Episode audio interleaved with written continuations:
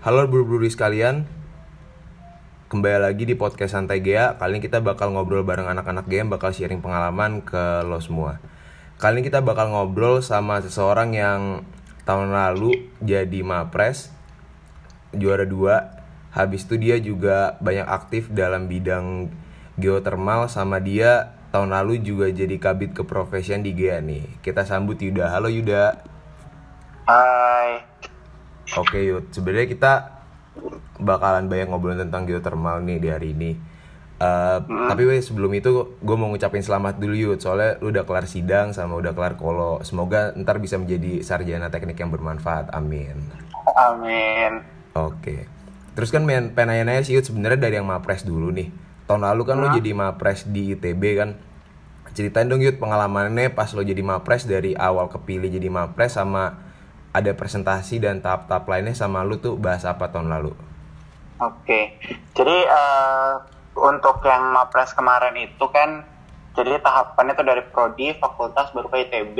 Nah, kebetulan dari prodi itu sebetulnya harus harusnya tuh ada ini harusnya ada seleksi. Cuman Mhm. karena mungkin prodinya deadlineer jadi kemarin itu langsung tunjuk dari IP yang tertinggi. Nah, kebetulan gua dari Oh. angkatan gua. Oke. uh, alhasil gue jadi uh, utusan prodi lah buat ke fakultas. Nah di Mhm. fakultas itu seleksinya tuh ini apa namanya presentasi tentang salah satu ide dalam tema SDGs. Nah gue mengambil temanya itu yang kalau nggak salah nomor 7 pokoknya tentang clean energy gitu. Nah gue ambil gue masukin uh, geothermal di situ sebagai inovasi Oke. untuk uh, mewujudkan SDGs yang clean energy itu.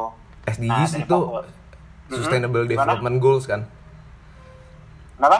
Eh, S- SDG Sustainable Development Goals kan? Iya, Eh, benar-benar. Oke. Itu kan ada banyak karena gue ambil Iya, salah iya. satu poinnya aja. Oke, oke, nah ya. itu dari fakultas itu udah mulai presentasi. Nah gue kemarin ambil topiknya itu tentang eh, FFD method in geothermal explorations. Oke. Jadi sebetulnya kan eh, untuk mewujudkan SDGs yang nomor 7 itu kan kita butuh eh, implementasi dari renewable energy. Nah salah satunya itu kan geothermal. Nah itu gue ingin mempercepat istilahnya eh, menambah method buat eksplorasi geothermal gitu.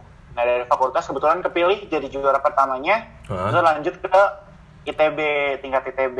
Nah dari tingkat ITB itu ada dua tahap. Jadi dari seluruh fakultas diseleksi dulu entah gimana prosesnya Iya. dapat enam besar. Nah dari yang enam besar ini baru Presentasi. masuk ke tahap presentasi. Nah presentasinya sama kayak waktu di fakultas gitu. Nah kebetulan dapat juara dua Oh. di bawah di di atas gua ada dari SF farmasi, Farmasi. di bawah gua ada dari SBM gitu. Oh, Oke.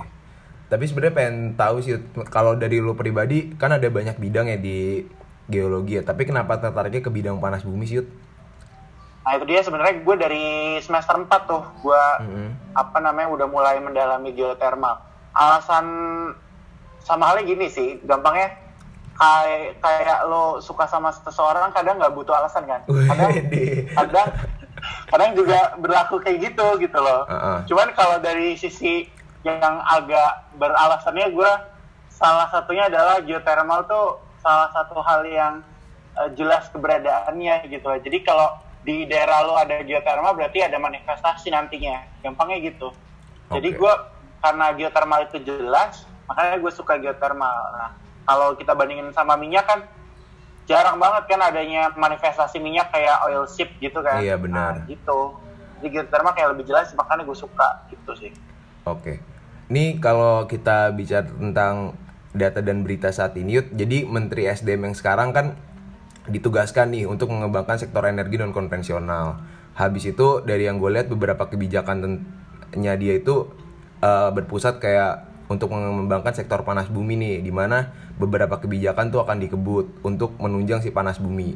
Kalau dari lo sendiri pribadi, panas bumi itu kayak gimana sih potensinya untuk masa depan Indonesia? Em, bener banget dari targetnya pemerintah itu kan disebutkan di tahun 2025 dari panas bumi itu eh, ditargetkan mencapai yang terinstal untuk listrik itu sekitar 7.000 sekian megawatt. Iya. Nah, tapi sekarang kan kondisinya itu masih di angka 2000 sekian megawatt artinya masih jauh nih kita perjalanan buat mencapai tujuan itu dan menurut gue itu agak sulit untuk dicapai dengan kondisi ya apa namanya kondisi uh, eksplorasi eksploitasi panas bumi di Indonesia saat ini gitu loh. Nah, di pendapat gua, uh, di pandangan gua Indonesia punya potensi yang gede banget nih. Mm-hmm. Tapi problemnya satu pengembangan geothermal itu keekonomiannya. Artinya sekarang okay. itu kan uh, harga apa namanya uh, perusahaan pakai geothermal buat hasilnya listrik, nah listriknya dijual ke PLN. Iya, Artinya bener. masih single buyer di situ. Oh, jadi okay. masih, jadi kayak belum ketemu gitu antara PLN sama, misal gue punya perusahaan geothermal sama PLN nih, kalau dari gue untungnya, let's say uh, eh, 14 sen per kWh. Iya. Tapi kalau PLN mau belinya cuma 10, nah makanya ini masih belum ketemu harga keekonomisannya Gitu Berat. sih masalahnya kalau buat pengembangan geothermal di Indonesia ke depannya. Nah, tapi kalau dilihat dari ada namanya RUPTL dari PLN itu, mm-hmm. Nah si PLN berani beli geothermal di angka kan keekonomisannya sekitar kalau nggak salah 16 sen USD per kWh. Yeah. Nah itu PLN berani beli di 16 sen itu mulai nanti 2027. Oh. Ya semoga aja 2027 nanti udah mulai ekonomis nih si geothermal. Gue sangat berharap sih, yeah. karena Indonesia benar-benar banyak banget potensi geothermalnya gitu Terus uh, lu kayak punya harapan gitu gak sih kayak nanti geothermal tuh akan banyak perusahaan yang terlibat dalam geothermal karena sejauh gue saat ini uh, setahu gue saat ini ya uh, perusahaan yang berafiliasi dengan perusahaan uh, geothermal tuh banyak terlibat sama Pertamina. Terus kalau dalam penyediaannya kan yang yang ngebeli cuma PLN doang kan. Lu lu lu ada ada harapan gak sih ke sana ke depannya untuk banyak perusahaan nih dari sektor swasta yang ikut terlibat dalam geothermal ini? Jelas gue sangat berharap banyaknya hmm. karena kita di Indonesia punya banyak WKP. Nah, gue yeah. sangat banget berharap kalau ada banyak perusahaan luar, perusahaan asing yang uh, istilahnya ngambil WKP di Indonesia, terutama di tahap eksplorasi. Karena selain uh, menyediakan pekerjaan bagi kita kita sebagai geologis, Benar. juga itu yang mendukung apa namanya industri geothermal ke depannya itu gue sangat berharap. Tapi kalau dari masalah single buyer PLN itu kayaknya nggak susah, susah ya? sih karena PLN udah punya jaringan jaringan di Indonesia kan punya PLN itu eh. kayaknya nggak bakal bisa deh. Okay. Paling kita paling yang gue harapin adanya kebijakan dari pemerintah sebenarnya yang mengatur mengenai ini mengenai apa namanya uh, masalah investasi artinya oh. investor luar itu dimudahkan untuk menginvestasikan dananya buat eksplorasi. Oh. Gue tetap berharap itu sih supaya kita juga geologis ada kerjaan banyak di geothermal gitu. Bener. Uh, terus kan uh, geologi TB kan sebenarnya lebih terkenal udah terkenal lama dalam hal migas ya nih habis itu mungkin dalam struktur dan dan hal-hal lain ini tapi mungkin untuk panas bumi belum sebanyak itu dan belum seterkenal itu di luar nih kalau dari lo pribadi sendiri di TB ini tentang panas bumi pendalamannya udah sejauh apa sih Yud? justru uh, eh, ITB itu di panas buminya bagus karena tapi bukan di tahap S1 di tahap S2 Oke. Okay. Nah, itu satu-satunya kalau nggak salah prodi geothermal tapi S2 di Indonesia itu yang ya gue bisa bilang paling bagus di Indonesia ya yang S2 panas bumi di TB gitu di FTTM okay. gitu cuman di situ masih sebetulnya masih uh, mix sih masih mix antara exploit kan ada dua dua ini ada ada kayak ada dua jalur gitu uh -uh. ada yang eksploitasi ada yang eh eksplorasi, eksplorasi. ada yang eksploitasi itu engineering maksudnya. Nah, uh. kalau kita kita ini kan orang geoscience masuknya ke eksploitasi, eksploitasi, eh, ke eksplorasi, eksplorasi ya. Gitu. Nah, gue sangat berharap banget apa namanya, uh, dan itu masih menurut gue sih masih kurang tenaga pendidiknya. Oke. Okay. Untuk yang ITB kayak hanya terpusat pada satu dosen yang mengajar ke uh, beberapa kuliahnya gitu loh, kurang tenaga pendidiknya. Nah, gue berharap ya kita kita inilah nanti Bener. kuliah dan lain sebagainya bisa jadi tenaga ahli buat uh, negeri kita sendiri gitu. Amin. Kalau dari uh, lo pribadi Yud, uh, untuk melanjutkan pendidikan lo di bidang geothermal lo ada ketertarikan gak sih kayak pengen belajar ke mana atau ikut course apa gitu lo ada ketertarikan di situ nggak? Kalau pasti ada, gue gue ada ketertarikan buat lanjut studi sebenarnya yaitu dia gue pengen benar-benar jadi tenaga ahli yang benar-benar ahli di bidangnya untuk okay. geothermal eh, eksplorasi. Nah gue tuh karena sebenarnya iklim riset di Indonesia tuh sangat-sangat tidak baik, makanya gue kejar Heeh. buat ikut riset-riset geothermal di luar negeri. Nah, salah satunya yang mendukung riset itu ada di universitas di Saudi. Nah, Oh, itu dia mendukung banget Kaus ya? masalah dana, fasilitas dan sebagainya untuk riset. Kaus gue yut. tertarik ke situ. Kaus ya? Ya benar, si Oh. ininya apa kampusnya apa Wicak. Eh, Wicak ya ya. Lu udah Ah, benar. udah apply ke sana untuk kaus untuk penelitian gitu atau untuk pendidikan Sedang. lanjut? Sedang Oh, apply. Sedang apply. Oke. Eh, kalau dari lu sendiri kan eh, yang ngambil geothermal kan mungkin ada ketertarikan nih dari angkatan 2017 atau atau angkatan 2018 untuk mengikuti bidang yang kayak lu geluti nih. Lo ada pesan gak sih buat mereka karena kan pasti adalah eh, ketakutan kayak geothermal tuh mungkin belum terlalu banyak dipelajarin, gak kayak pelajaran wajib lainnya yang yang udah dipelajarin dari semester 3 kan. Kalau dari lo ada pesan gak untuk masa Gia yang mau mengikuti geothermal nih?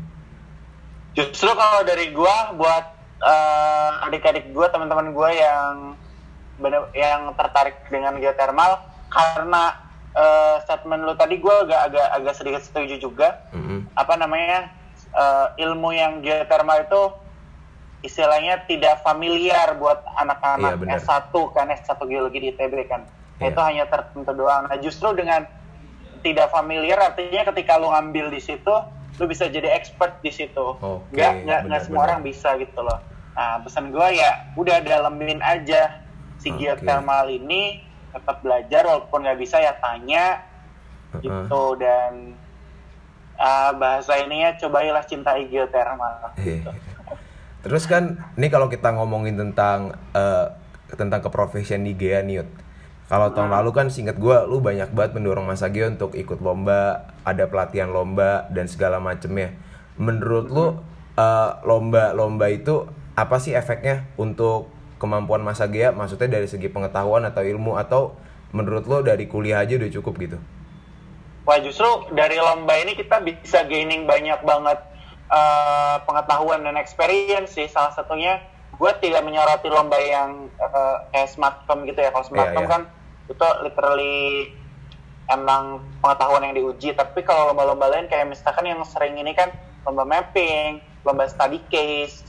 Nah kalau di lomba mapping itu benar-benar gaining experience, kemampuan di lapangan itu benar-benar kita nyobain lapangan baru, kita interpretasi seolah kita sebagai geologis yang uh, expert gitu loh. Itu pasti gaining banget banyak experience termasuk yang pernah gue lakuin juga dan mungkin dulu pernah cerita juga sama siapa namanya si Festian Karit si Iya, iya. yang pernah lomba mapping juga. Nah, untuk yang study case ini based on apa namanya pengalaman gua, emang study case ini benar-benar menguji kemampuan logika lu dalam eksplorasi dalam geologi gitu loh.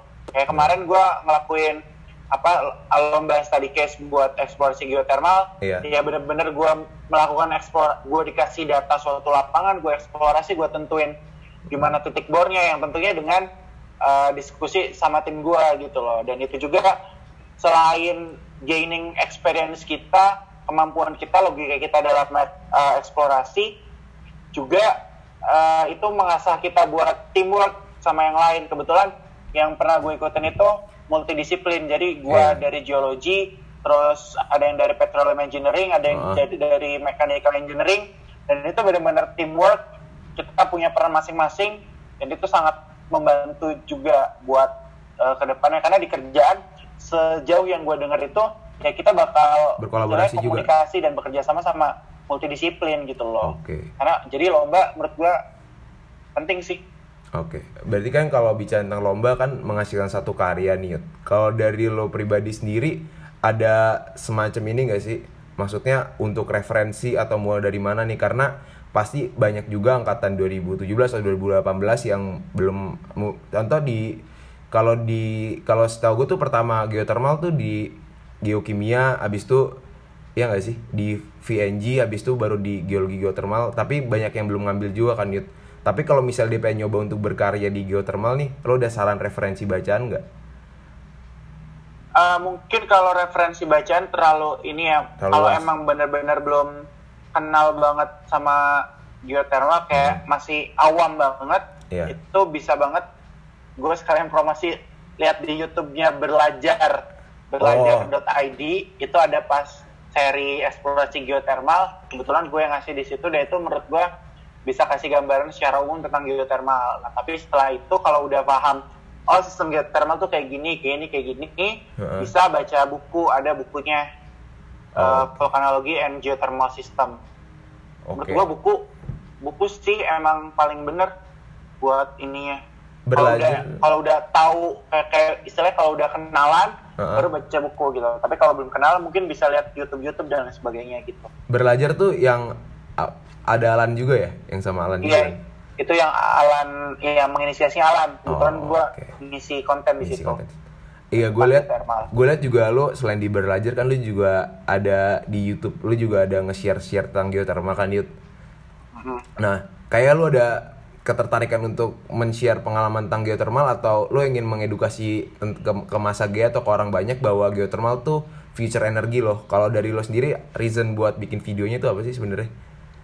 kalau dari situ sih gue ingin mengedukasi ya itu tadi buat teman-teman yang mungkin backgroundnya masih tingkat eh, tingkat dua yang belum sama sekali dapat kuliahnya Mm-mm. itu bisa banget buat sarana kenalannya gue kayak di situ kayak mengenalkan keseluruhan secara kulit kulitnya tentang Iya. geothermal di situ jadi supaya selain edukasi buat gue sih khususnya buat ini ya Heeh. buat mahasiswa geoscience gitu loh Oke. karena emang itu kontennya geoscience banget gitu jadi buat teman-teman yang kuliah aja sih gue ingin mengedukasi di situ Oke, sekarang kan lagi ini ya, lagi masa COVID dan nanti juga semester depan eh, untuk angkatan 2017 dan di 2018 kan dirumorkan bakalan eh, online juga nih. Berarti akan ada kita punya waktu banyak di rumah dan kita bisa banyak mengeksplor banyak hal nih. Kalau dari segi berkarya sendiri atau di bidang keprofesian di geologi, lo ada saran nggak masa Gea tuh sebaiknya ngapain gitu untuk mengisi waktunya supaya tetap produktif meskipun di rumah aja kan?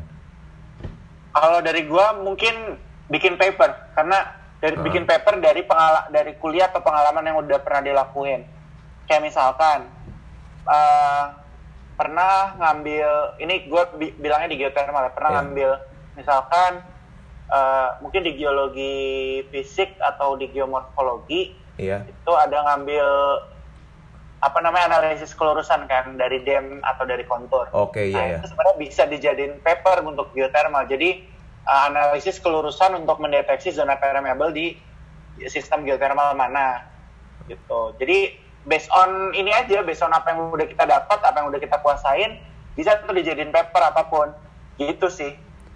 Gue lebih lebih ini ya, itu lebih nyata bikin paper itu menurut gue. Oke, eh, Max kalau dari segi paper sendiri, kalau dari lo sendiri biasanya tuh tujuan papernya lo itu untuk diikutsertakan dalam lomba atau untuk ditaruh ke publikasi gitu segala macam sih, Yud?